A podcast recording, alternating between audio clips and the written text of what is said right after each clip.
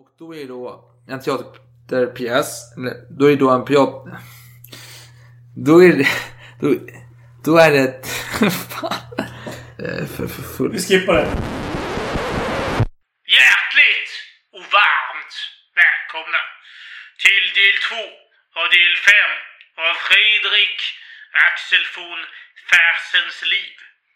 Rulla bandet!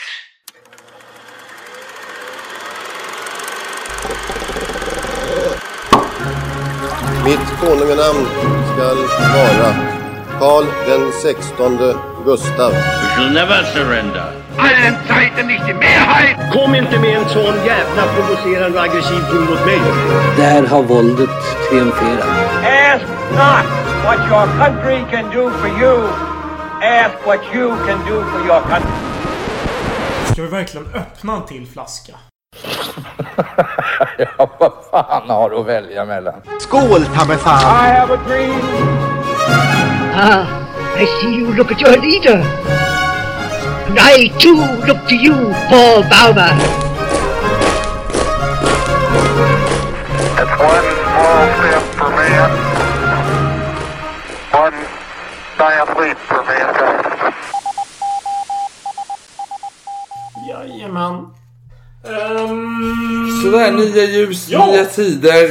Vad Nu- ska ske Nu är det nu? juletid. Nu har vi precis... Vänta.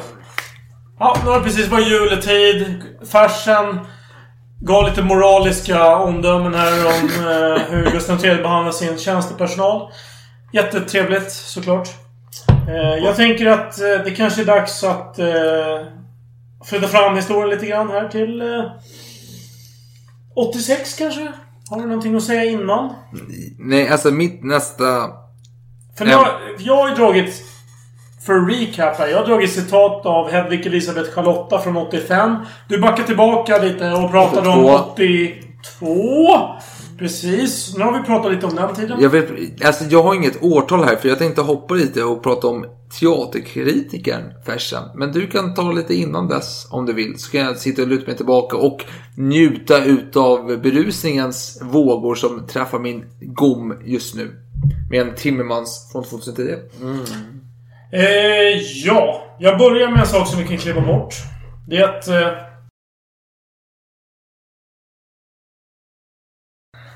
Okej, men ska vi prata lite om teaterkritikern Fersen då? absolut. För det är så att man ska ha lite teater på Gripsholms slott. Precis. Och en, Spökslottet. och en pjäs som kungen skrivit och jobbat med i fyra månader hette Märta Baners och Lars Sparres Kärlekshandel. Bra titel för en romantisk saga. Man får ju ändå säga... Kan man inte uppskatta Gustav III som underhåller sina närmaste undersåtar, adeln, Ja. med att underhålla dem med, med konst i form av teater? Och som dock adeln måste delta i för att fylla ut rollerna. förvisso, om Gustav IIIs konst inte passar riktigt smaken för adeln så är det beklagligt. Men han gör ju ändå ett försök att blidka dem. Absolut. Och så skriver Fersen om denna pjäs. Dekorationerna och teaterns kostymer vore vackra och smakfulla. Inte blev sparat av guld och silvertyg, siden, plymer och allt som avser den teatralistiska paruren. Konungens nya pjäs var vacker att åskåda emedan däri omväxlande sång och dans. Den gavs tämligen illa. De förnämsta rollerna i synnerhet, hertigen av Södermanland, gav åskådaren inte annat än ganska svag föreställning om hjälten i pjäsen. Baron Armfelt, tjock om livet, utan hållning eller behag återgav ganska illa den känsla och ädelhet som rollen skulle avspegla. Hertigen av Söderland är.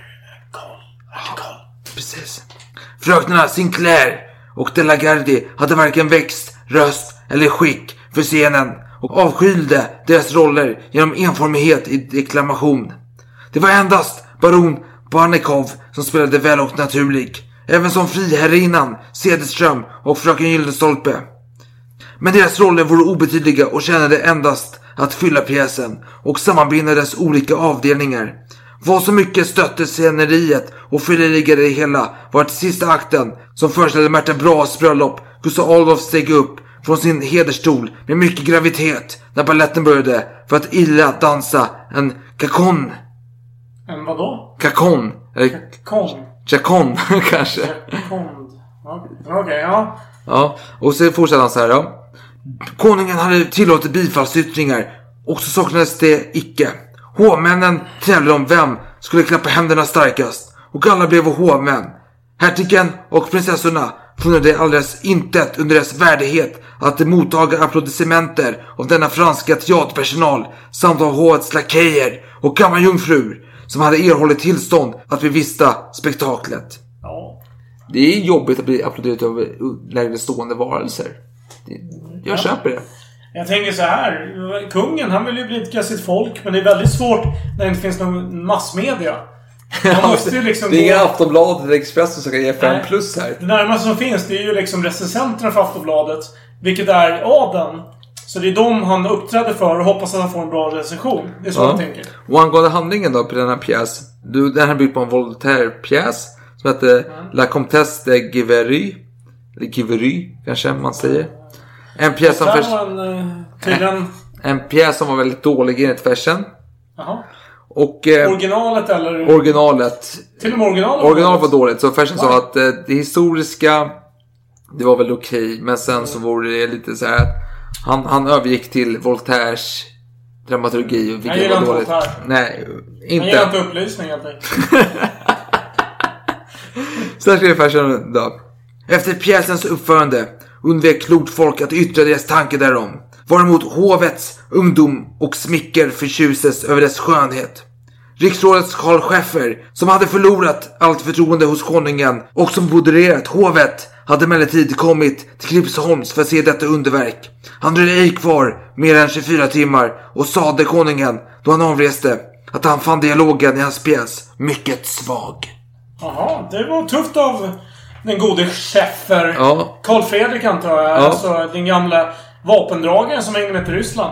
Han är, han är, Alltså, han var en gammal man redan då. Han var typ 60-årsåldern där. När, på 70-talet där. och han hamnade i onåd som sagt. Mm, och nu är vi på 80-tal. Så Ja. han, är, han är en gammal man. Och Fer, eh, Fersen, han, han inser ju att man ska inte säga någonting om denna pjäs. Negativt. Man ska undvika. Man ska inte ens gå på den. Jo, man ska gå på den, men man ska inte säga någonting till kungen om den. Nej. Men kungen vänder sig till Fersen och säger, men vad tycker du då? Ge mig din ärliga åsikt. Schäffer såg den, vad tycker du? Kom igen nu! Ja, stenhård. Prata! Prata Men pojk! Ja. Och Fersen då, ja. Det var onödigt upprepa för Herrens Majestät att hans pjäs var fadd och föga intressant. Jag inskränkte mig till två anmärkningar. Den första var att det vore nödvändigt att ombyta pjäsens titel.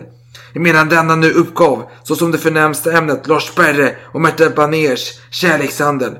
Men från och med den andra akten befanns det att Gustav Adolfs roll blev den övervägande och den förekom i de flesta scener och bredde upp lösningen.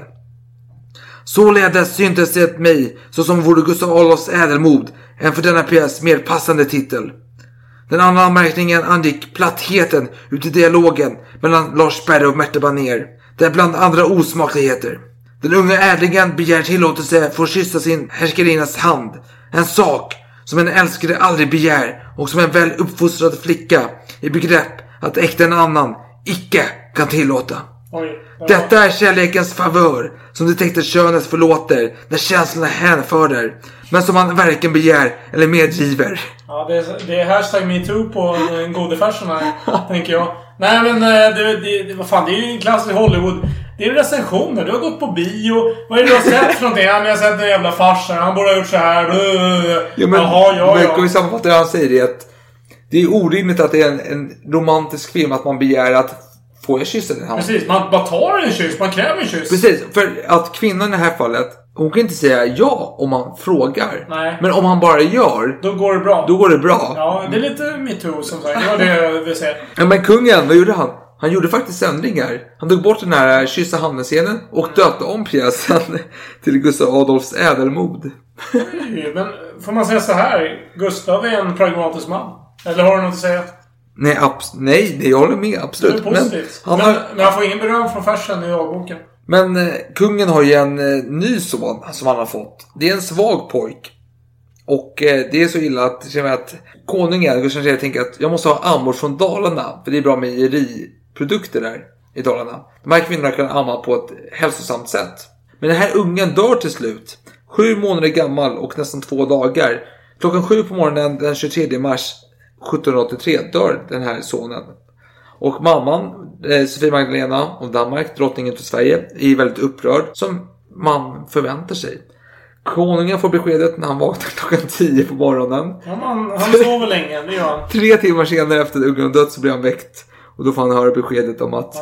Sju är inte så tidigt ändå. Nej, man tycker ändå att det borde vara lite prioritet då. Men tydligen, han var en morgontrött man. Fersen säger så här då när han mottog beskedet av kungen klockan 10. Han blev ej mycket rörd däröver. Emellertid gjorde han allt vad han kunde för att gråta. Men han hade inga tårar till hans för denna gång. Han försökte men han kunde inte gråta. Precis. Och det blir djup sorg 14 dagar. Men kungen han har ju planerat sen innan den här döden att man ska upp, ha lite teateruppsättningar. Ja, ja, men det har han alltid på gång. Så han tänker, jag är otålig. 14 dagars djup sorg är för länge för mig. Ja, ja. Så sju dagar senare, äh, vi knackar igång teateruppsättningen igen. Och eh, så han kör teater. Man kör teater. Jag hoppar fram några år här för nu kommer vi till 1785. Då är det en teaterpjäs som heter Kristina. Och Fersen är inte jättenöjd, om vi säger så. Tillåt mig läsa ur hans historiska skrifter. Ämnet för pjäsen var drottningens kärlek till greve Magnus Gabriel de la Gardie och denne greves giftermål med falskgrevinnan Marie Efrusine, konung Karl Xs syster. Vad beträffar drottning Kristinas kärlek till greve de la Gardie så är det en bekant sak att denna unge drottning kunnat ett ögonblick hyst den tanke att äkta honom. Men det är ännu mer troligt att denna till såväl karaktär som temperament lättsinniga drottningen, så litet grannlaga i valet av sina älskare, har övergivit denna tanke lika hastigt som hon fattat detsamma. Det är endast en tradition av tillverkare utan anekdoter som lånat åt drottningen och åt greve de la Gardie denna bisarra idén att bedraga publiken. Falskgrevinnan och riket genom tillredelse av Marie Efrosynes bröllop och att i samma ögonblick som den här prästliga vigseln förrättades drottningen skulle intaga falskgrevinnans ställe för att giva sitt ja åt greve de la Gardie. Om drottningen hade velat äkta honom, vilket hinder skulle väl kunna sättas däremot och varöver skulle drottningen underkasta sig en coup de théâtre, henne och falskrivinnan så ovärdig. Den andra anekdoten som giver ämnet åt denna pjäs är ett brev av Gustav Adolf där denne konung förklarar greve de la Gardie vara sin naturliga son, född av Ebba Brahe och som rikskansler behållit så som en hemlighet ända till bröllopsdagen.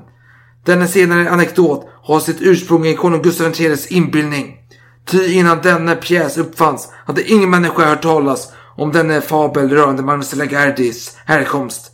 Ingenting finnes därom ute i arkiverna, ej heller bland enskilt eller publika bibliotekariers samlingar. Gustav III har följt Cornell, Racines och Voltaires exempel som var uppfunnit... Fransmän. Som har Corneille uppfunnit... och Hassan. Ja, förlåt, förlåt. Som har uppfunnit kärleksintriger och källtinnor för att göra deras pjäser så mycket intressantare. Denna frihet förändrar just ej så mycket den grekiska eller romerska historien, men i våra dagar är historiens första merit den att vara sann. Drottning Kristinas tid ligger vår allt för nära för föredraget i rika uppfinningar. En teaterpjäs av en konung skall förvärva sig en auktoritet bland kommande släkten. Av alla falska uppgifter som insmyger sig i denna dram uppkommer en degradation av den förnämsta personerna. Drottning Kristina spelades den rollen av en underlig varelse som ej finner något annat medel att äkta greve de la Gardie än en elevering inför allt och riket.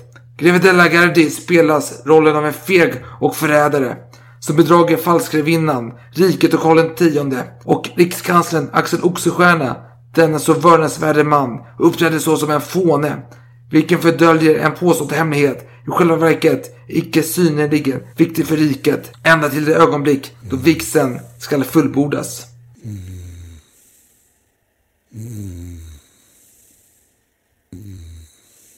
Ja, men hoppa vidare min kära vän. Nej, men jag tänkte hoppa framåt lite grann. Så jag har pratat mycket om 85, 86 där. Mm. Eh, och man kan ju nämna som en sidonot här att Fersen blev ledamot i Svenska Akademin med stol nummer 4 86.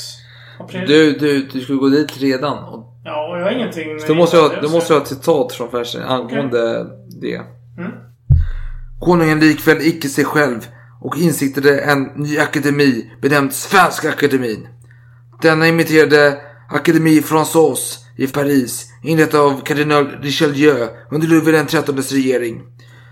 Med den enda åtskillnad att ledamöternas antal var mindre och endast bestod av 18 personer. Konungen var akademikerns skyddsherre och utnämnde ledamöterna riksrådet Karl Schäffer, greve Höpken, greve Hermansson och jag vore bland deras antal. Vad tror du först tyckte om detta då? Att bli invald i akademin? Han klagar säkert öppet, men han gillar det innerst inne. Det vad jag tror. Sen skriver han. Jag hade mycket önskat att ej därvid bliva ihågkommen. Krigaryrket som jag ju valt alltsedan min ungdom och statens tjänst hade gjort mig föga lämplig. Ja, jo, jo. Vadå, Han är stor krigare, den gode farsan. Jo, jo. Visst, visst. Gjort mig föga lämplig för det akademiska ståndet samt att delta i arbetet på en ordbok och en språklära. Men hans majestät yrkade mycket därpå, på att det bekanta namn skulle skildra i spetsen för hans nya stiftelse. Var det Svenska Akademiens ordlista då som åsyftades där? Att Ja. det var viktigt? Ja, ja, Ja, det är absolut. jävligt viktigt. Det är viktigt. Ja, nej, men i alla fall. Jag tänkte, om inte du har någonting att säga emellan där, att vi går in på passivolansfrågan 1786. Oj, oj, oj. Ja, någonting- nej, nej, nej, nej, nej, kör på. Så passivolans innebär att olika befälshavare själva ska bekosta sina mannar i stort sett. Att de ska, Ja. de ska utrusta dem och så vidare. Och det, det kan man ju förstå att adeln, de har ju ofta höga positioner inom militären. Mm. Som jag tolkar det så innebär det att ja, det blir kanske lite mer ekonomiska förpliktelser mot de adelsmännen helt plötsligt. Ja. Det här gillar inte de såklart, för det blir ökade utgifter. Ja, ja, ja, absolut, absolut. Eh, och i det här fallet så då försökte de samverka med bönderna, alltså adeln då, som hade de här höga positionerna. Försöker motarbeta kungen. Och kungen, han blir väldigt arg. Så han kallar ut Fersen när Fersen sitter på operan. Ja, ja. Och han säger så här. Jag har kallat eder för att förklara eder mitt billiga missnöje över edert djärva och otäcksamma uppförande emot mig. Jag är på det allra högsta stucken och förundrad över eder tilltagenhet att i spetsen för en föraktlig missnöjd flock våga att kränka mina rättigheter och sätta eder emot det jag till rikets bästa förordnar. I börden icke glömma min nåd och att jag skänkt eder huvudet. Vid tillfället av revolutionen 1772 jag hade kunnat hämnas min faders lidande genom eder djärvhet under riksdagen 1756 och att jag ävenledes 1778 icke ville hämnas uppåt eder tilltagsenhet, den jag föraktade. I veten att en hos riksens ständer förevarande fråga angående en passivolanskassa för armén är mig ömt hjärtat. Jag lämnar eder valet att imorgon, då denna sak hos riksens ständer förekommer, tala för densamma och befordra den till ett nöjaktigt slut, vilken tjänst jag med tacksamhet skall förskylla. Men uti vidrigt fall förklarar jag eder härmed ett outsläckeligt hat och onåd över eder och eder familj och må ni skylla eder själv om ni får känna verkan av de olyckor som sväva över edert huvud. Det ankommer på eder att välja ja eller nej, men glömmen inte att eder konung tilltalar eder! Lite konstigt det här med att Gustav III alltid hänvisar till att Fersen skulle ha försökt ta kronan från Gustav IIIs far. Får man lyssna på Fersen själv så verkar inte alls vara, vara fallet. Utan han har ju däremot skyddat Gustav IIIs far alla år. Vad är det han har gjort för att försöka frånta eh, Adolf Fredriks krona? Jo, jo, jo. Det var väl, vad ska man säga, deras kuppförsök där. 1756. Jo, Det var väl i allra högsta grad. Jo men han har ju räddat livet Ja, på Gustav, eller på Adolf Fredrik. Jo, jo, jo. Men det är efter hans konstruktion. Men i själva verket så motarbetade han ju Adolf Fredriks och Hans hu- hustru, drottningens. Jo men han, han såg ju till att folk ville ju avrätta dem. Han sa till att nej. Men det var ju helt... Det var ju väldigt orimligt. Det är ju inte... Jo men hade Fersen spelat med och försökt ta kronan hade han ju spelat på det spåret. Han hade ju satsat på de Men det är ju hästarna. som att skri skrika om att vi ska överge demokratin idag. Det det är lite samma spår. Ja okej, ja, jag förstår inte vad du menar men absolut, absolut. Vi går vidare. Ja, jo. Vi vänder Eh, blad. vi vänder blad. Hade du någon kommentar kring detta? Ja, jo men det har jag faktiskt. Men farsan insåg att det här är en känslig fråga och kungen han hotar med kanoner, bajonetter och svärd att styra en uppstudsig flock och deras anförare. Det här är ju liksom, det är starka ord och farsan känner att han börjar svettas lite grann. Oh! Okej, kungen går lite för långt här men det är fan, jag får ta det lugnt här. För helvete. Han lyckades, eh, vad ska man säga? Man mildrade kungens krav helt enkelt. Ja. Eh, Det var så att det blev inte så mycket av det där. Eh, Däremot så gick man med på att de här spannmålsmagasinen, det skulle adeln bekosta lite grann. Jo, men- Som jag tolkar det så, då blir det väl ändå det att befälshavarna får bekosta de här magasinen. Som jag har förstått det. Ja, det, kompromissen. det är tanken. För det var lite det som var tanken att det, Kungen ska inte vara ansvarig för allt utan det blir ändå att befälhavarna själva får Mm. se till att styra lite grann. Norrby, vår kära historiker, han skriver så här. Nu stod dock inte Gustav III sin huvudmotståndare efter som politisk taktiker och lönnlig intrigör. Snarare kunde han vara dennes överman. Om han ägnade all sin energi däråt. Under riksdagens gång hade han uppmärksammat att det fanns en principiell skillnad mellan adel och de tre ofrälsestånden i fråga om oppositionens karaktär. Han bestämde sig för att söndra och härska. Ja, det är väl Machiavelli-teorier. Att offra sin adelsvänlighet och närma sig det ofrälse. För kungen, han har ju polare i adeln. Han har ju till exempel eh, Schäffer. Han är ju hattpartist och så vidare. Hur som helst. Och efter riksdagens slut gav han särskilda förmåner åt vart och ett av de ofrälsestånden i syfte att undanröja deras respektive anledningar till missnöje och stärka sin popularitet. Så nu börjar han liksom, vad ska man säga? Vända kappan lite grann till vinden. Han inser att adeln är inte den enda som har makt i det här riket egentligen. Nej. Han kan börja vända sig till bönderna för att minska adelns makt. Alltså det är ju ändå ett Jo, jo men ståndsriksdag liksom. Jo men innan eh, själva riksdagen 86 där. Mm. Så började faktiskt kungen upp Fersen för att prata om sina förslag. Och ett förslag var då följande. Att missgärningsbalkens bestämmelse som utsätter livsstraff för barnamord skulle förvandlas till livstidsfängelse och ett par ris slitande varje år på öppet torg samma dag mordet vore begångnet. Vadå, ska de slita ris varje, varje årsdag? Ja, men istället för dödsstraff ska man få sitta i livstidsfängelse. Ja, ja. Och eh, på årsdagen Ja. för detta skulle man få lite eh, Extra piska? pisk. Offentligt på offentliga torg. Okej, ja, ja, okej. Mm. Och sen var ju, följde det fem andra punkter. Offentliga punkter. vi skippa dem, eller? Ja, jag skippar dem Ja, mer bra. än gärna. Kungen bjöd upp honom till sitt rum för att berätta om detta. Mm. Först svarade då följande. Innan jag utlåter mig över eders kungliga majestäts propositioner till rikets ständer, den eders majestäts nådigaste behagat mig i förtrolighet meddela, utber jag mig alla under nådigs tillstånd att med den uppriktighet som jag är min konung och mig själv skyldig lämna all den upplysning jag äger om allmänna tankesätt i riket Också nu utbrister utan återhåll ut i residensen. Och då svarar kungen så här. Tala med mig utan förbehåll. Vi är då mellan fyra ögon och ni vet att jag älskar upplysning och sanning. Detta sades på fransyska. Jag tog det för giltigt hur jag var viss om motsatsen och fortfort som följer. Under ett belopp av 67 års åldrar och många förflutna riksdagsständers sammanträden då jag blev levat har jag sett svenska nationens häftiga partiutbrott. Därav följande oredor och förföljelser. Men jag kan på min salighet bedyra att jag aldrig sett nationen så enhälligt missnöjd, misstrogen och uppretad som nu.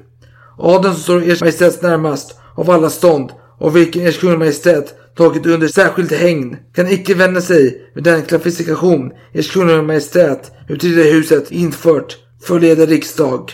Det säger att den första klassens äger ensam företräde till sysslor och nåd och den andra liten aktning och den tredje ett utmärkt förakt och är vid alla tillfällen vanlottad. Det man gör, alltså det kungen gör, är att han försöker ändra riks, äh, riddarhusets ordning. Han vill införa det gamla klassamhället inom adelskapet vill säga. Så du har de här uråldriga adelssläkterna. De är högre stående än de här Jo, jo. men nyadliga. ju- Ja, jo, visst. Men det är ju konstigt att Gustav gör det. Jag tänker att det är gamla adeln som borde gå i... Nej men Fersen och de andra, de tillhör ju nyadeln på så sätt. De är, Jaha, de är ändå och från med. Karl XIIs krig. Baltadel som har kommit in i Ja, riket ja, ja. och styr och ställer. Jo, det finns alltid nyanser och allting.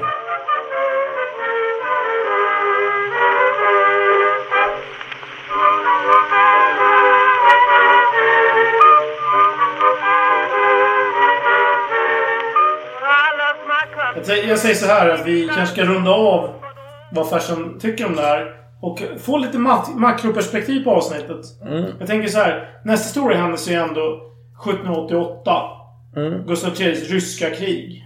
Det tycker jag är en stor händelse. Ja men förlåt, nu vill jag bara backa bandet väldigt snabbt. För han är ju faktiskt i Paris och besöker Ludvig den 16. Oj, där ser man. Den Ludvig den tjocke.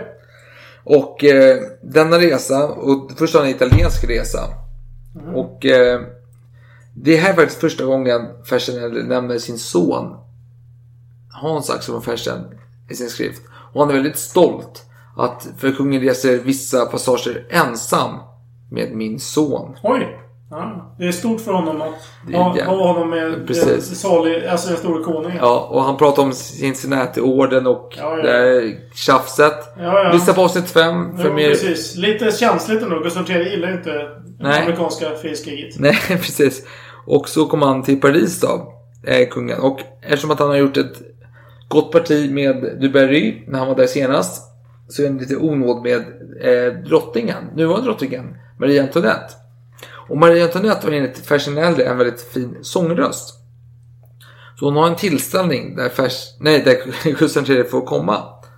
Och eh, hon börjar sjunga. Och har en liten konsert. Och Gustav III sitter och snackar lite under tiden. Och så innebär att Marie, när hon var klar, säger hon följande till kungen. Il me semble, monsieur le comte, que vous n'aimez pas la musique, säger hon till honom. Och då svarar han då, då Pardonnez-moi, madame, je l'aime, mais sur le théâtre.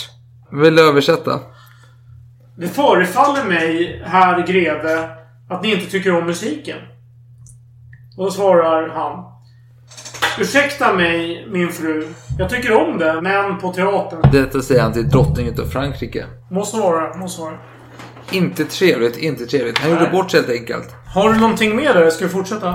Jag vill hoppa fram lite. Ja, jag vill gärna också hoppa fram. Ja, jag har en sak om angående Gustav IVs uppväxt. Aha, okej. Eh, Okej, kan du hålla det kort? Jag kan hålla jävligt kort. Bra, vet bra, jag. bra, gör det. Förlåt, innan vi hoppar fram till slutet utav den här historien. Vi har hoppat... Slutet? Vi börjar med slutet. Ja, men jag vill hoppa tillbaka, tillbaka till början utav början Oj, här. oj, oj. Nej, Jag det vill, jag vill hoppa tillbaka till 82 någonstans där. Oj, sex år. Ja, jag vill hoppa tillbaka till kronprins Gustav Adolfs tid där. Och eh, hur man ska uppfostra honom. Mhm. Och eh, vem frågar man om man vill ha råd?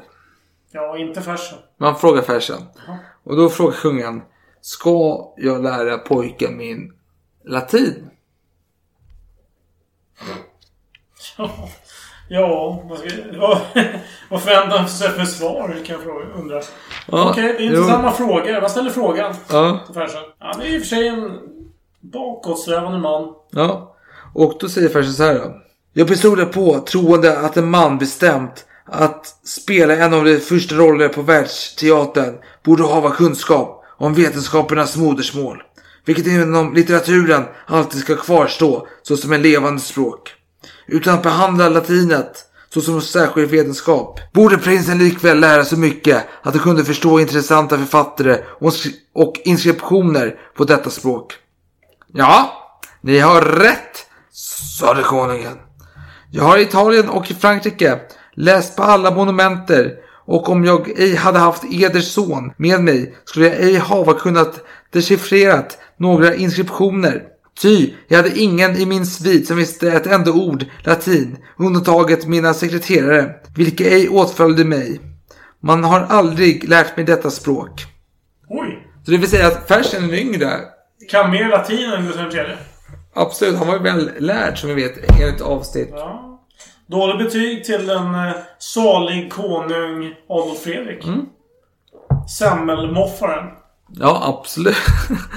Men nu så tyckte i alla fall eh, Gustav II var på att lära sin son eh, latin. Och inte nog att man ska ha eh, Fersen som eh, referens när det kommer till kunskap inom eh, skolan. Utan sjukdomar. Who are you gonna call? Von Fersen! Ja, inte Ghostbusters och inte från Fersen. Utan... Jo, von Fersen kommer jag Ja. göra. För nu ympning ska vi diskutera här i en minut. Jaha. Det handlar om alltså det tidiga vaccinet. Ympning, när man skulle göra... Skär av en bit kött och hoppas på det bästa eller? Nej, man, man, eh, man eh, besudlar sin egen kropp med eh, smittoämnen. För att man ska bli immun. En svag dos. Ja, ja, men det är ju ändå den moderna formen. Alltså det är ju så man vaccinerar. Man... Ja, precis. Det är vacciner på den tiden. Okej. Och eh, Gustav III har lite tankar kring detta. Han frågar Fersen, vad ska jag göra? Jag har hört att det, det, folk dör utav detta. Men jag har ju en jävligt späd son. Och min andra son har ju dött här uppenbarligen. Så vad ska, vad ska jag göra? Och Fersen, han är en rutinerad man inom läkemedelsskapet. Uppenbarligen, han kan allt. Så han hävdar då att ja, jo, vissa har ju dött. Jag har ju eh, impat mina söner. Och de var ju bra. Så det, oftast går det bra. Absolut. Och det förhindrar att de dör tidigare i framtiden. Så tack vare Fersen, Gustav III gjorde detta då i smyg, skulle sägas.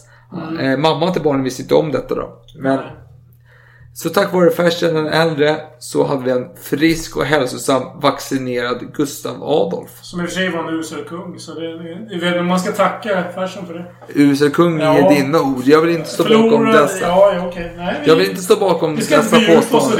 det. Historien har visat Att du har fel. facit. Ja, absolut. Ja, Men vi går vidare. Okej. Nu hoppar vi fram igen. 86, 87, 88. Vad är vi någonstans? 88 tänkte jag. Oj, oj, oj. Stort år. Ja, För nu inträffade det ryska kriget. Gustav IIIs ryska krig. Mm. Han passar på, för ryssarna, de är återigen i krig med turkarna. För det har de ju varit till och från sen Karl XII, som vi vet. Ja.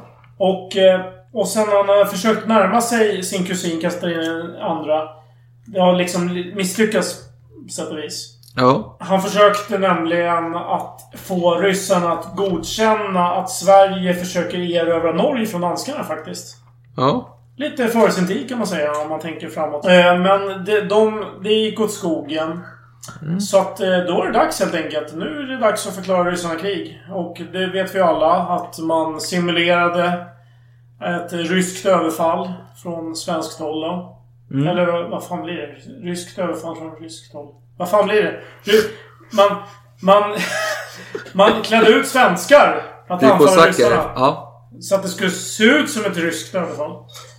Hur som helst, det är bara en detalj i sammanhanget. Men under kriget, då skriver Gustav IIIs kusin Katarina II ett libretto till en hånfull opera mot Gustav III. Hur ska man håna en eh, teateropera man bäst? Jo, man skriver en opera. En hånfull Precis. op- För opera. operor vet ju alla att eh, kungligheterna, det är det de får höra först. Helt Mm. Det är inte sån här jävla skvaller bland bönder. Det får man ju höra sist. Mm. Operor får man höra först. Och det finns en opera som heter Ynke hjälte. Men om man ska översätta ordagrant från, eh, eller från originalspråket Mm. så borde det heta Den olycklige krigaren Kosometovic. Som är en parodi på Gustav III. Att han eh, framstår som så hjälteaktig men är svin. I ett Hur som helst. Jävel. Ja. Propagandakrig kan man säga. Ja. Eh, Den ryske ministern Razumovski Ja. Förlåt för uttal. Så här bedömer han Fersen. Att han hade överlägsna kvaliteter som politiker. Men pekade på svagheter som ryssarna kunde utnyttja.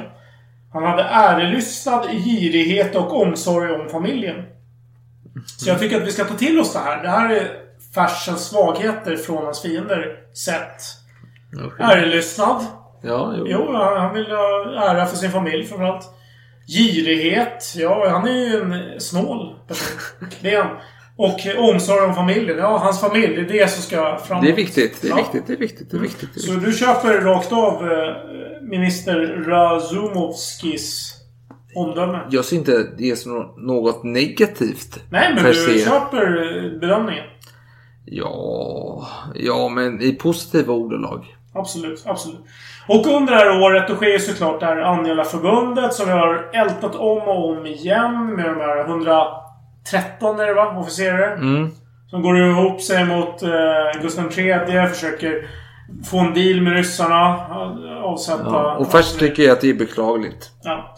Och adelns förs- anseende försämras ju Mm. helt och hållet. För att här går de emot sin kung. De går ju emot eh, lagar och så vidare. Till och Ja. med Fersen tycker det är olämpligt. Har du någonting mer där? 80, 80, ja, för annars tänkte jag gå vidare i 89.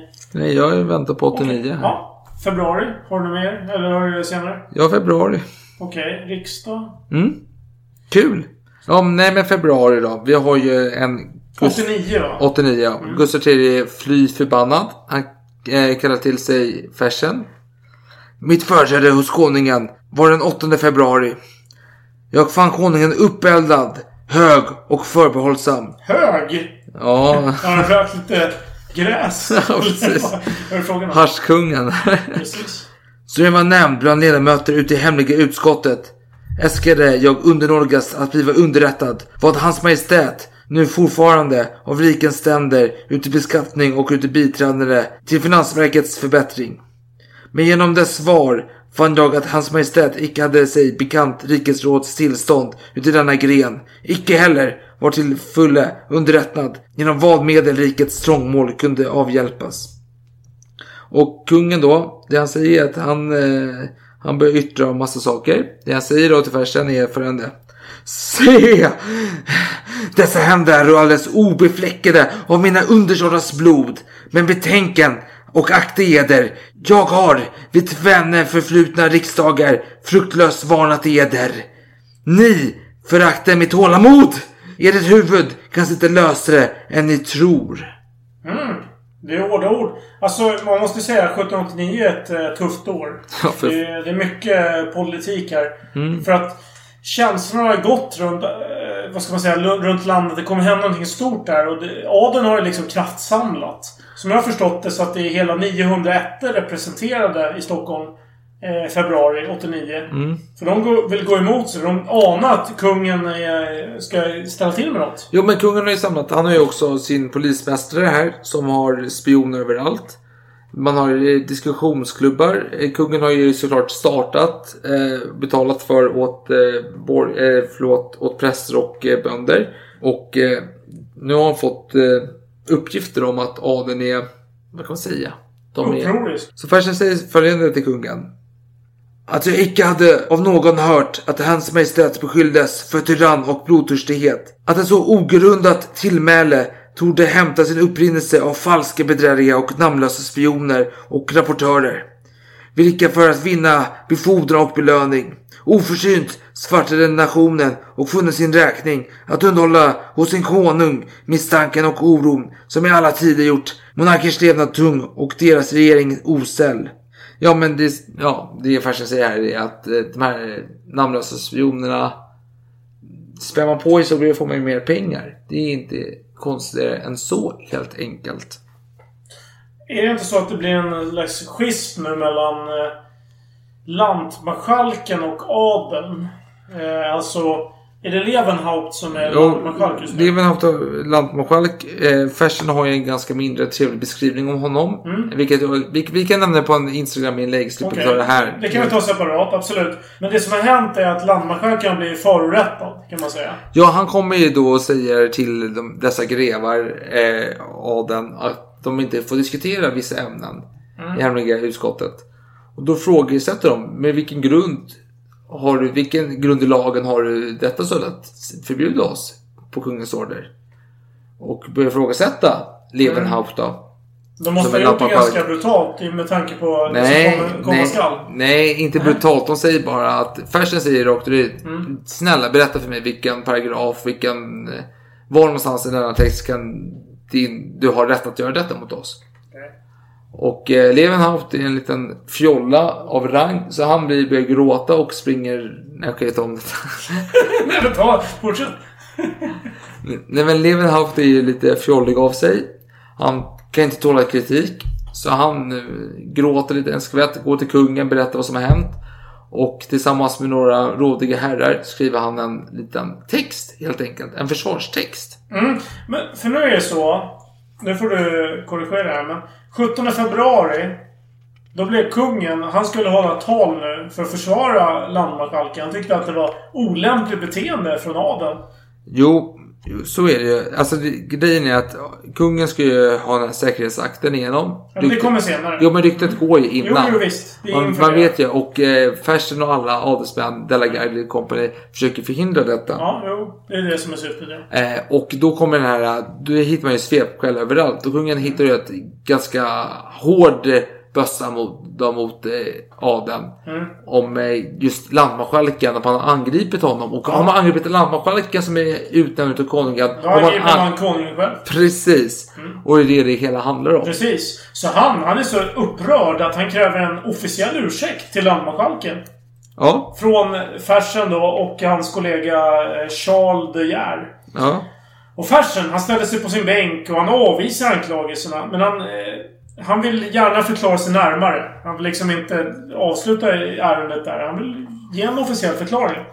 Så han envisas och får till, till slut tillåtelse att dra sig tillbaka med adeln och överlägga om en ja nej, försvarsskrift. nej, nej, kungen eh, ger order om att han ska gå tillbaka och komma med en försvarsskrift. Okej, det är olika vinklar här. Jag går ju efter den gode Norrby. Ja, jag går efter Men, ja, ja. Ja, Hur som helst. När adeln lämnar rikssalen för att överlägga.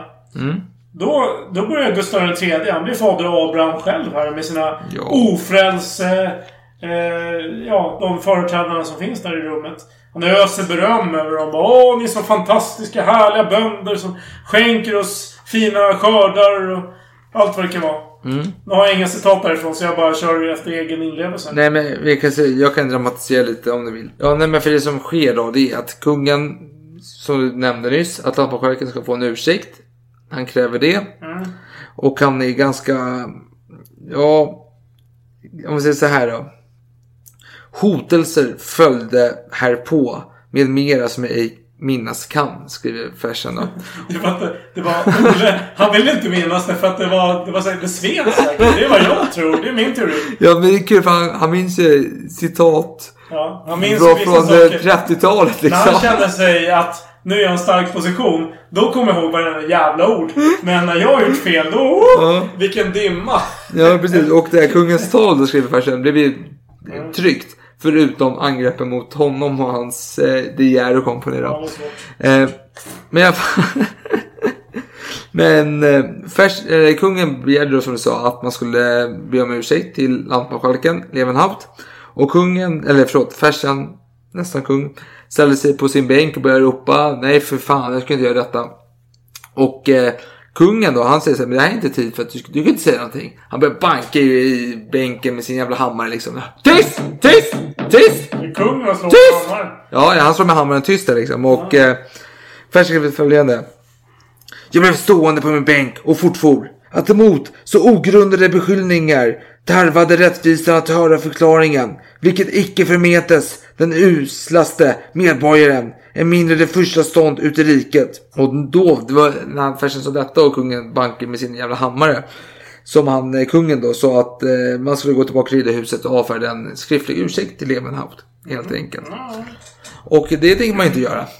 Nähä, vill man inte göra... Jaha, där ser man. Nej, vad då?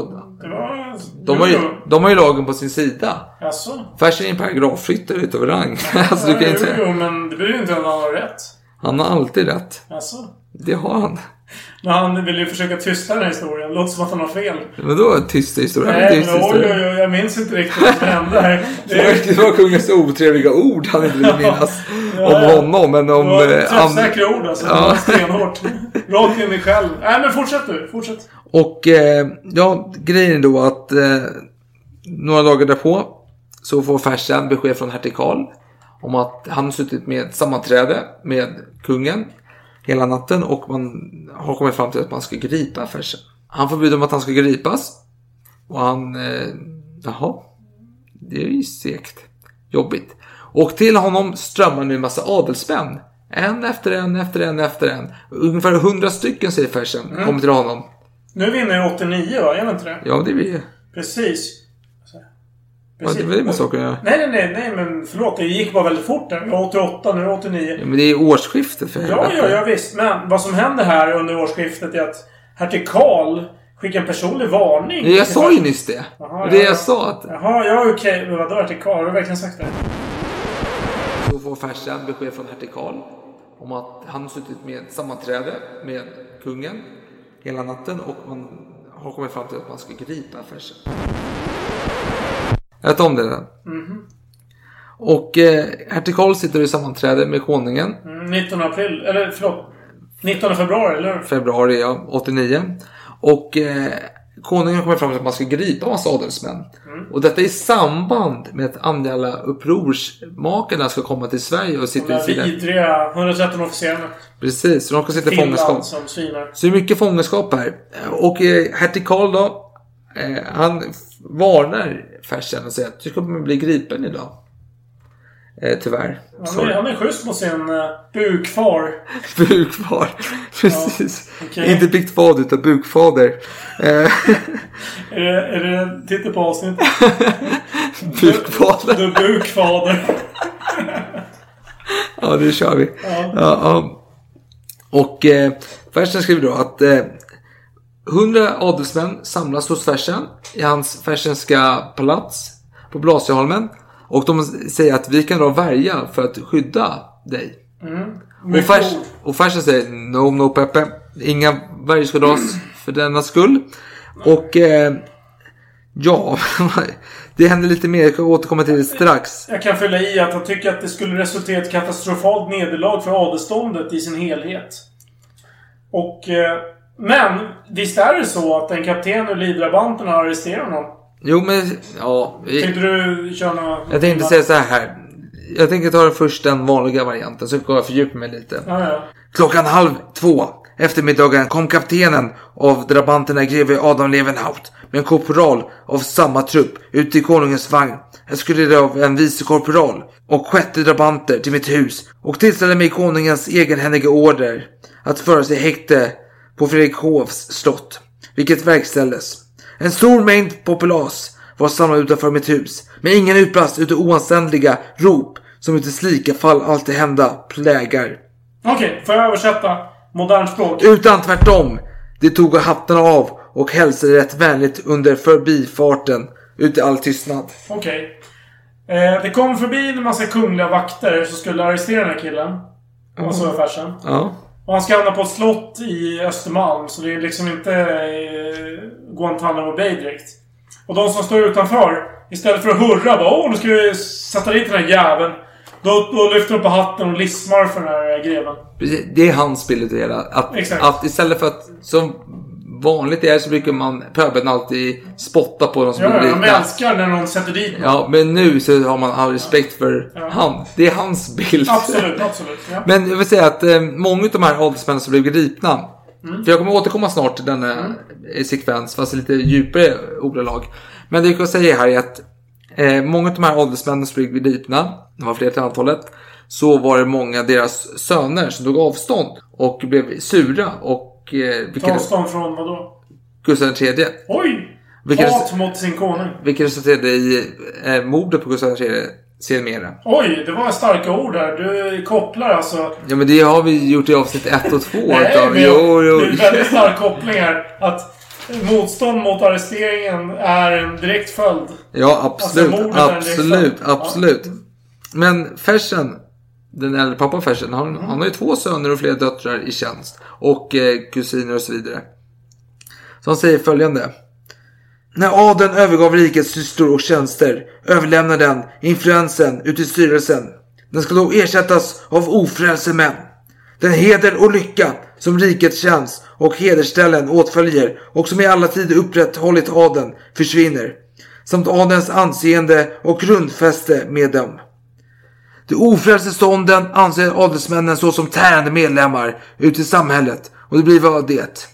När de upphöra att med vett eller vapen tjäna fosterlandet. Upp på denna grund blev min första omtanke att Fredrikshovs fängelse att avstyra hos mina bägge söner deras beslut att försaka rikets tjänst. Likaledes mina bägge döttrars. Den äldste, Hedvig Klinkovström, vars stadsfru hos sottningen den yngre Sofie Piper, hovmästarinna hos hertiginnan av Södermanland. Likaledes övertalades min svägerska, hovmästarinna hos hennes majestäts drottningen och hennes bägge döttrar som vore stadsfruar hos drottningen. Fältmarskalkinnan Meyerfeldt som också var stadsfru tog sitt avsked och avhöll sig från allt umgänge med hovet. Man ska nämna att en följd av de här arresteringarna är att eh, adeln är väldigt kylig mot kungen. Ja, Man minst bojkottar Minst allt som kungen får för sig. För kungen älskar ju att sysselsätta sig. Han vill gå på teatrar, han vill ha en massa sånt för sig. Men det är tråkigt när han eh, har ett party för sig själv. Jo, precis. För här kommer ju farsans döttrar. De bojkottar ju. Ja, farsens döttrar, det är ju... Det är ju liksom... Eh, vad ska man säga? Kändisar i societeten. De vill man ska vara på plats helt enkelt. Absolut, absolut. Men dagen efter de här arresteringarna, då läses förenings och säkerhetsakten upp. Mm. För det är det allting har handlat om. Vill du börja med det så går jag tillbaka till hur dagarna spenderas i fängelset. Ja, vi, det, det kan vi ta direkt efter faktiskt. ja, det, fortsätt. här är mer, det här är pudelns kärna. Ja. Så Gustav III, han blir närmast enväldig på adelns bekostnad och ofrälse för ökade förmåner. För som vi tidigare nämnt så har man liksom... Adam blev väldigt upprörd. De har lämnat rummet och de har haft inbördes käbbel för att försvara sig själva. Och eh, Gustav III, han har liksom eh, smörjt Mm. ofrälse helt enkelt. Och vad det har handlat om det är att öka ofrälses makt till bekostnad på adeln. Ja. Och det, det vill säga minska Gustav IIIs fiender. För adeln har varit hans fiender i sammanhanget. De har kanske... Ja. Ja, men om vi ska säga... Om vi ska sammanfatta det hela kortfattat. Det är att kungen har velat inskränka eh, inflytandet hos adeln. Och öka sin egen makt. Och Fersen och övriga adeln har stått på motståndarsidan. Och Mm. förhindrat honom. På grund, med hjälp av paragrafer från regeringsformen. Precis. Förväntat, förväntat beteende. Mm. Och, eh, och som vi sagt också så bojkottas han av societetens kvinnliga medlemmar på grund av de här arresteringarna som skedde då precis före Mm. Den här förenings och säkerhetsakten. Men nu får du gärna berätta lite om hans vistelse i fängelse. För nu har han faktiskt hamnat i fängelse, den gode farsen. Ja, precis. Jag kan börja med när han blir gripen igen. Med lite fördjupande kommentarer kring det hela. Och detta är då när han fått besked om att han ska bli gripen och att adelsmännen börjat flockas kring hans bostad. Ja, men kring dagen innan, där, 20 februari. Antar jag. Mm, mm. Under allt detta blev jag besökt av en oräknelig mängd av adelståndet, vilket vore ute fast föresats att med värjan i handen möta våld med våld och beskydda mig. Jag hade mycket besvär att undanbedja mig deras nitiska och ömma biträde. Jag föreställde dem hur otillräckligen deras och min tapphet vore emot närvarande ställning. Då de tre stånden, Stockholms armerade borgerskap och pöbel, hela rikets allmoge och 1500 beväpnade dalkarlar på Drottningholm under överste kammarjunker baron Armfeldts befäl vore uppeldade emot adeln och under konungens lydnad. Att deras nit för fosterlandets lag och allmän välfärd och hela adelståndet blev ett offer för en blind och uppretad pöbel och allmoge. Ridderskapet och adeln hade intill denna stund hade inte förgått sig, alltid förfäktat lag och sanning. Men så snart det blottade värjan att ensam vilja göra sig själva rätt borde det och förse vad ytterligare göras skulle och vad därpå följer. Det första och noblaste ståndet ute i riket blev då beryktat för rebeller och konspiratörer mot konungen och fosterlandet och vad annat än olycka därav följa. Då vargen drages bör man och har förutsatt hur långt man vill föra henne och var man vill stanna. Och vad mig enskilt beträffade vore jag med all kallsinnighet färdig att dela med adeln och Svea barn ödet av grundlagens, säkerhetens och all frihets förtryck. Så länge min röst ägt sitt lagliga utrymme har jag förfäktat friheten och fosterlandets bästa. Och om nu den stunden kommen att jag ska bli ett offer för sanning och patriotism så bär jag hellre mitt huvud oskyldigt till en schavott än jag vill leva en dag brottslig. Denna maxim hade styrt min nu åldrade politiska vandel under mitt levnadslopp och smickrade jag mig nu med det hopp att de närvarande nitiska vänner och patrioter icke skulle förkasta mitt efterdöme.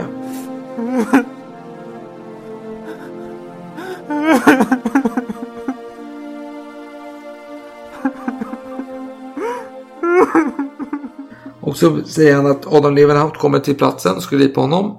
Och då frågar farsan att eh, får jag förklara för min fru vad som sker? Och du säger Det är, det, alltså, det är som när du är på krogen och du är för full. Kommer vakten bara Du är för full grabben. Så bara, ja men kan jag bara berätta för mitt sällskap att jag kommer utkastad här? Du känner igen dig själv här misstänker jag. Ja, olyckligtvis ja. Fortsätt. Och eh, då säger Levenhaupt att min order är arrestering. Det ska ske nu. Ja. Men jag kan skicka en, eh, liten eh, frågan till kungen. Om du har tålamod. Ja men gör det liksom. Ja gör det, gör det, säger farsan. Och eh, Levenhaupt skickar då en fråga till konungen. Om han kan få lite, farsan kan få lite tidsfrist för det hela. Kungen beviljar en tidsfrist. Och Farsan frågar då om, ska jag försegla mina brev också? Så du kan ta dem? Så Levenhaupt, nej. Min order är bara din arrestering. Så farsan går och pratar med sin fru och berättar dessa ohyggligheter som ska hända honom nu. Han ska bli i fångenskap i Fredrikshovs slott. Och... Eh, Man. Öster, precis. Ett stenkast där han nuvarande bor då. Men eh, med all respekt, Östermalm alltså om vi säger Strandvägen är idag en paradväg. Det här var ett jävla sunkområde så det var inte så jävla eh, kul. Och eh, han pratar med sin eh, hovmästare och säger hur ska du sköta mitt hus medan jag är borta? För han misstänker, vilket det blev, att han var hårt omsatt av sekretesskrav. Att han kunde inte skicka brev fram och tillbaka hur som helst. Han pratar med sin dotter och berättar att du uppför dig väl nu. Stannar i kungens tjänst. Tar farväl till sin fru. Sa du inte dotter nyss? Jo men dotter och sen fru. Han har ju fru och dotter. För Ja, ja, ja. Okej. Men det var inte till dottern han sa det där. Dottern? Ja, för du sa... När han pratade med sin dotter och sa du ska du inte... Och så lät det som att... Ja, men skitsamma. Okej, ta Nej, men dottern var ju att eh, du är Hedda för dotter, alltså. dot, Hedda i eh, drottningens tjänst. Mm, mm. Hon ska fortsätta med det. Och Ja. eh, hans fru, mamma, mamma Fersen. Som Gustav, som har Gustav III flörtar med. Ja, precis. Hon ska fortsätta vara som vanligt. Hon ska Inga- fortsätta flörta med Gustav III. Ja, precis. ja, det får stå för dig. Fersen följdes ut. Ja. Folk var vördnadsfulla, lyfte på hatten, hälsade på honom. När han kom till sitt fängelse skrev han följande. Vid min ankomst till Fredrikshov blev mig tillstånd lämnat att få till min dagliga betjäning behålla min kammartjänare ute i den ene av den mig tilldelade tvenne rum. Konungens hovmästare Gryll berättade mig att jag ägde befalla vad jag ville till middag eller aftonmåltid medan det vore inrättat kök och betjäning av konungens kockar. Oj. Så han får bestämma vad han ska få äta. Och det är kungens kockar som fixar maten. Precis. Ja, det är inte illa alltså. Det är Nej. bättre än kanske under tiden. Ja. För alla därvarande arrestanter vilka jag undanbad mig och så gjorde alla med mig fängslade. Vi hämtade mat från våra egna hushåll. Jaha. Okej. Ja, men det var fritt. Jag, jag tänker ju på Narcos, eh, serien på eh, Netflix. Jag har inte sett den. Nej, men då Upplys mig. Ja, men då har du den där baronen, eh, den där drogbaronen. Ja. Vad heter han? Han är jättekänd. Escobar. Escobar, exakt. Han hamnar i fängelse visserligen Ja. av staten. Men han får ju i princip bestämma över sitt eget fängelse. Han kan ju ta in vad som helst. Han tar in, de installerar biljardbord och eh, de tar in hur mycket sprit som helst. De, de gör vad fan de vill. Och det är det jag känner är som händer här. Jo, man vill ha sin egen kock. Ja, jo, det är klart man vill. Men är det ett straff då? Ja, det, åter, det återgår att se. Eller återstår att se, säger man. Mina fem fängelserum vore rymliga, vackra och väl möblerade. Med en stor gul damastsäng och fåtöljer prydda med galoner och fransar. De, hennes majestäts drottningen, nyttjat på Ekolsund. Det övriga av möbler, spegel och byrå vore däremot svarande. Min första omtanke var hur ledsnad, som alltid bor i fängelser, skulle kunna avhållas. Jag inledde för den skull alla timmar om dagen till ett visst mål. Nämligen, klockan precis åtta steg jag ut ur min säng och läste Gazetter. Klockan nio klädde jag mig. Varefter städerskan sopade, bäddade min säng. Städade samt uppfriskade mina rum med väl luktande rökelse. Klockan tio promenerade jag genom båda rummen till klockan elva. Vid- Vilken tuff vistelse. Vid denna timme började jag att läsa. Min lektur till klockan 12 var historisk och ute i naturhistorien. Från klockan två till tre åt jag middag. Från klockan tre till halv fem spatserade jag ut i mina rum. Från klockan halv fem till klockan åtta läste jag politiska, filosofiska och svenska historier och handlingar. Klockan åtta användes en halvtimme till meditation för att vila mina ögon. Vid denna timma plägade ryttmästare baron Åkerhielm spela med mig ett parti pikett eller bräde. Och då han ej tid hade läste jag någon teaterpjäs. Klockan tio åt jag aftonmåltid och efter jag promenerade och sedan drasslade sidenlappar till stoppning av en sidenväst. Klockan 12 gick jag till sängs. Allt detta efter klockslaget av min bordsstudsare. Man skulle tro att en sådan regelbunden och likformig levnad ute i fängelsets tystnad skulle göra arrestanterna tillstånds odrägligare. Men jag har erfarit att då människans fria tillstånd är inskränkt inom cirkeln av dess förstånd återstår ej annat än att hushålla med tankegåvan, regelbinda detsamma och föda henne med den ombytligheter som litteraturen framställer. Ett beständigt tänkande upp på eget och fosterlandets vedervärdigheter är odrägligt. När opinionen hos människan får råda ser hon allt förlorat, fast aldrig eller sällan allt förlorat är. Under de tio veckor jag bodde ute i fängelset hann jag läsa 36 volymer och att gå 29,5 mil blev mig dagen aldrig lång. Jag var sjuk och plågad av gyllenålderskolik när jag fördes i fängelse, mådde väl och gick frisk ut från Fredrikshov. Ett gott samvete är i slika fall det säkraste och hälsosammaste sällskap. Ja, jo men... Det var hans vistelse i Fredrikshovs Okej, han fängelse. beklagar sig lite och, men han berättar... Han skryter även över att den har gått... Eh, 29,5 mil. 30, ja, mina uppgifter säger 30. Ja, men det är exakt. Jag avrundas ju uppåt. Eh, och 36 böcker. Ja, absolut, absolut. Men eh, däremellan har han då informerat sina eh, barn om att inte ta avstånd från kungen. Det har vi tjatat om om och om igen. Det handlar om att de ska inte för hans räkning bli, vad ska man säga, uppeldade. De ska lyda sin konung.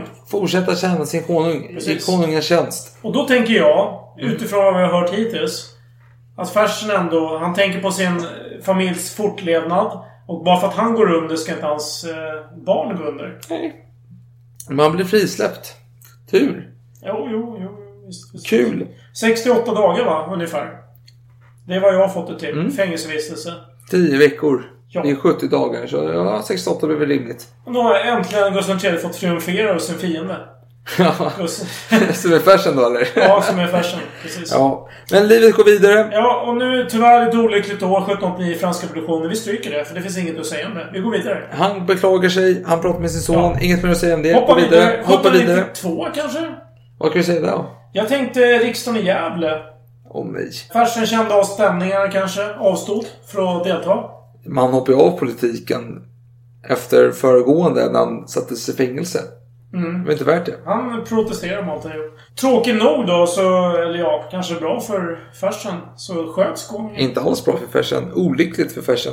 Fersen åkte pliktskyldigt med, tillsammans med sin fru till Gustav på hans dödsbädd. Pliktskyldigt enligt vem? Nej, men det...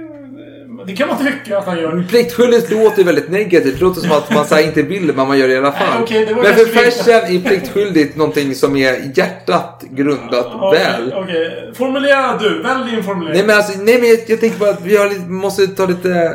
Jag tänker så här. Men han är ju ändå fiende. Han har, Nej, han är har inte precis fi- blivit nej. satt i fängelse av sin Fast han kung. förstår ju för helvete. Det är så här. För pliktskyldig i dagens samhälle. Det är Ja. pliktskyldig. Det är någonting man gör för sin yrkesroll. Ja, men som mot inte sin själv, vilja. Mot sin vilja. Mm. vilja. Men färsen. Pliktens eh, skyldighet var hans hjärtas skyldighet.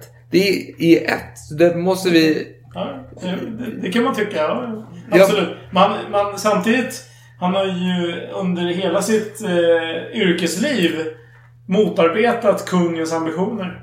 Nej, inte alls. Han har motarbetat kungens maktanspråk. Eh, anspråk. för att han vill ha... Han är paragrafryttare här. Det, det, han går efter lag. Jo, jo, jo. Fast om det är kungen som skriver lagen, vad ska han göra? Jo men, han, jo men han ser till att den rådande...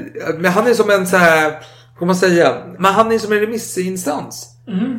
Alltså man skickar frågor på remiss till För, färsen. för beaktande. Ja precis. Är det här lagligt korrekt? Ja, nej, nej, tyvärr. Gör om. Han är lite av en, eh, ja, vad ska man säga, lite, lite så här autistiskt. eh, Nej men han är för lag och ordning Ja. och Men han är Absolut. ändå för En aristokrat, helt Jo, men han är för kungen. Han är för kungamakten. Men samtidigt att de inte ska ha Mm. envälde. Vi ska återkomma till det. Ja. Men jag ska bara ta Katarina andra eftersom jag ändå har eh, gjort en... eller jag dragit sidoanekdot om den här resan till Ryssland. Så vill jag ändå ta hennes reaktion för det här beskedet vid attentatet. Vilket attentat? Attentatet är alltså Ankarströms skott i teatern mot Gustav III. Utan om Katarina. Jaha, du vill ha en, en annan anekdot innan? Nej men du sa, att, du sa i föregående avsnitt att hon gillade di- diamanter. Ja, Och hon du bara- döpte sin eh, hund eller vad fan det var Ja. till Diamant. Ja, vill Eller bara... häst var det. Häst, förlåt. ja. Hingst. Till och med. Ja. Ja. Ja, men du vill bara påminna om att Fersen den yngre, alltså Axel från Fersen. Eh, när han fick ett porträtt av eh, Gustav III så beklagade han sig över att inte ramen var diamantprydd. Mm. Han kanske också anade, eller han visste väl att Gustav III gillade diamanter. Så det var ju väldigt eh, nostalgiskt. Det var fint. Det var smickrande. Absolut, Ja. Fortsätt din anekdot, anekdot om Katarina den andre. Mm. När hon hade fått det här beskedet, då sägs det då att hon hade blivit märkbart tagen och dragit sig hastigt tillbaka. Mm. Det går att tolka på flera sätt. Var det för att hon var känslomässigt... Eh, hon tyckte det var jobbigt? Eller var det att hon... Hon ville inte visa... Nej men skärp dig. politiken. Vad fattar du? Har någon monark blivit mördad så påverkar det dig själv som eh, monark. Ja, ja visst. Det har ju konsekvenser. Det har det ju. Ja, Men är det personligt eller är det statsmässigt? både och tror jag. Det är ganska nära ändå. Det är släkt och det är monark och den har blivit eh, Ja. mördad. Okej, men det är många frågor Jacques Clement, Ravaillac, Henrik den tredje, Henrik den fjärde, Gustav den tredje. Listan kan bli lång. Karl XII eventuellt. Ja, jo. Nu vill jag dra fram en ganska, vad ska man säga, Obskyr. en eh, Obskyr. ovanlig Obskyr. anklagelse. Obskyr. Ja. Att Fersen den äldre är delaktig i mordet på Gustav III. Okej, min punkt nummer ett.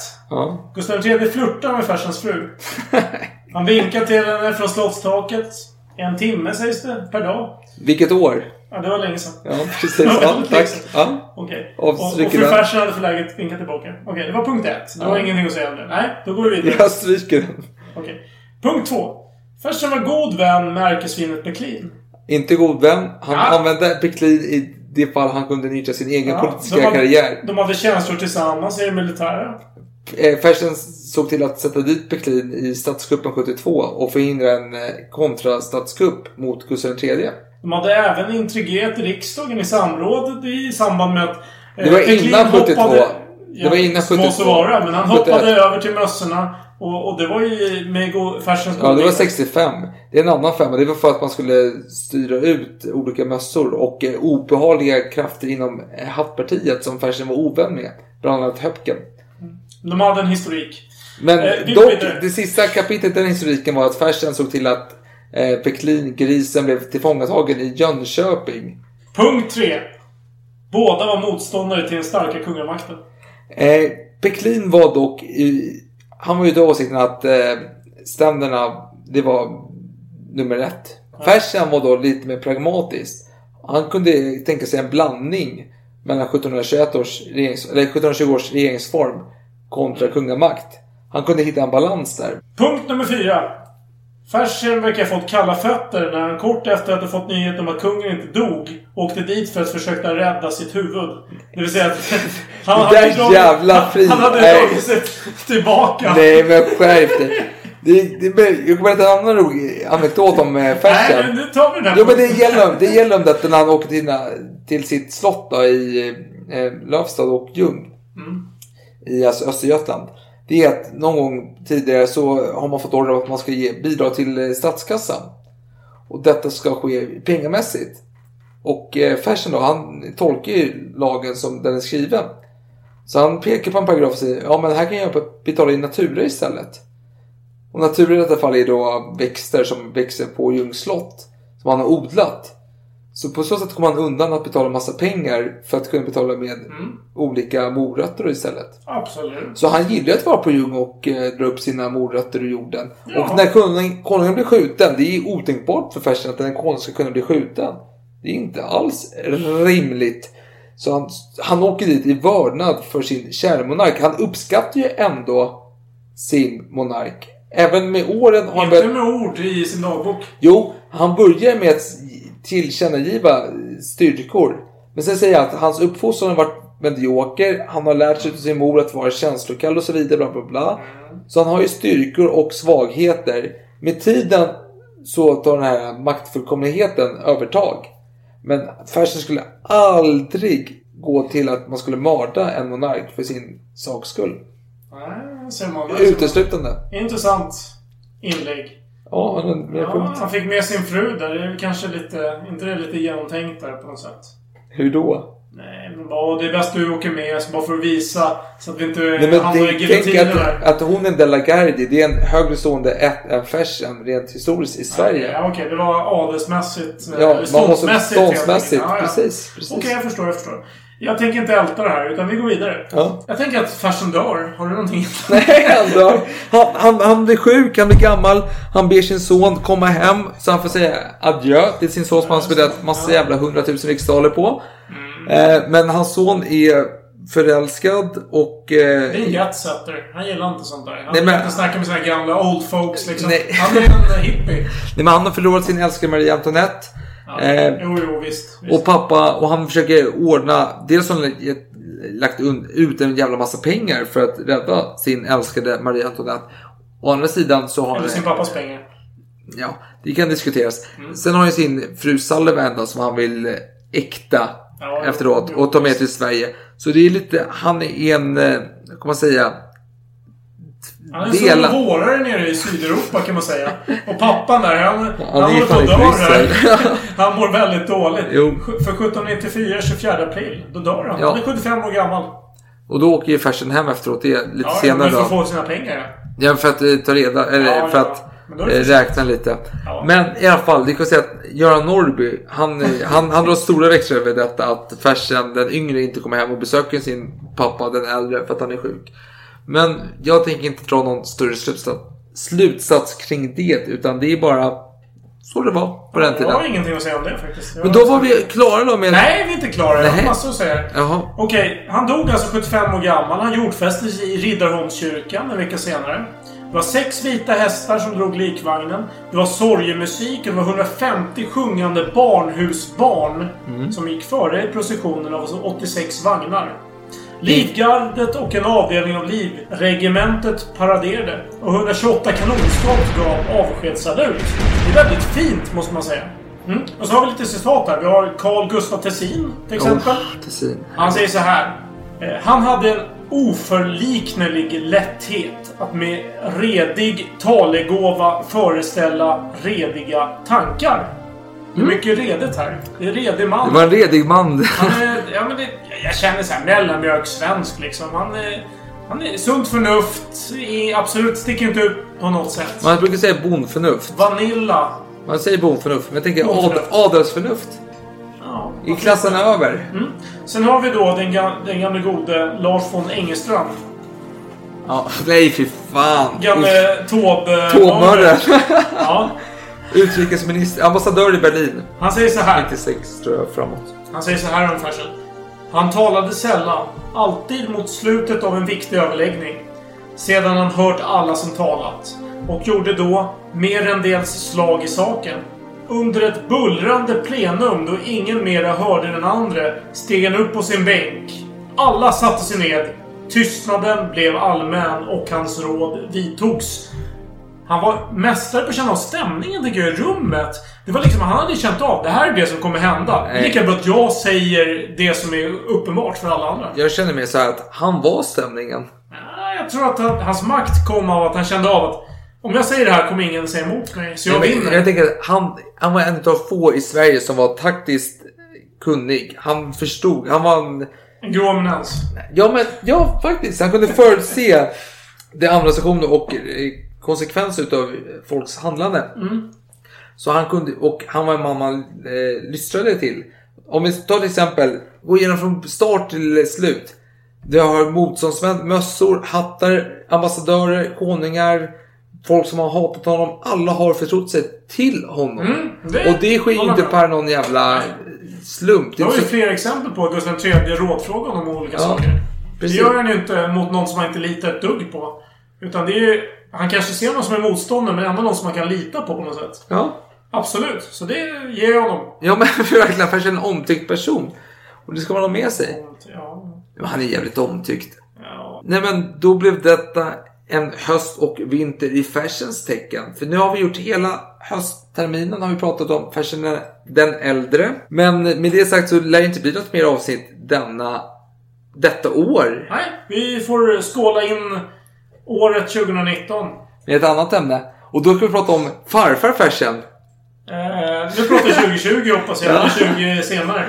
Eh, farfar eller farbror, Carl Fashion, vem vet? Vem vet? Nej då. Vi ska nog gå till något annat. Något franskt kanske. Någonting som jag utlovade för jättelänge sedan. Men eh, inför förra säsongsavslutningen tror jag Ja, med. precis. Nu är det äntligen dags! Är dags. Så nu tar vi nya tag och släpper fashion för ett tag och går till andra tider och Vi går andra till historier. Frankrike, vi går till stjärntecken. Vi finns på Facebook, vi finns på Instagram, vi finns där poddar finns och Och vi har juluppehåll som alla andra. icke alls.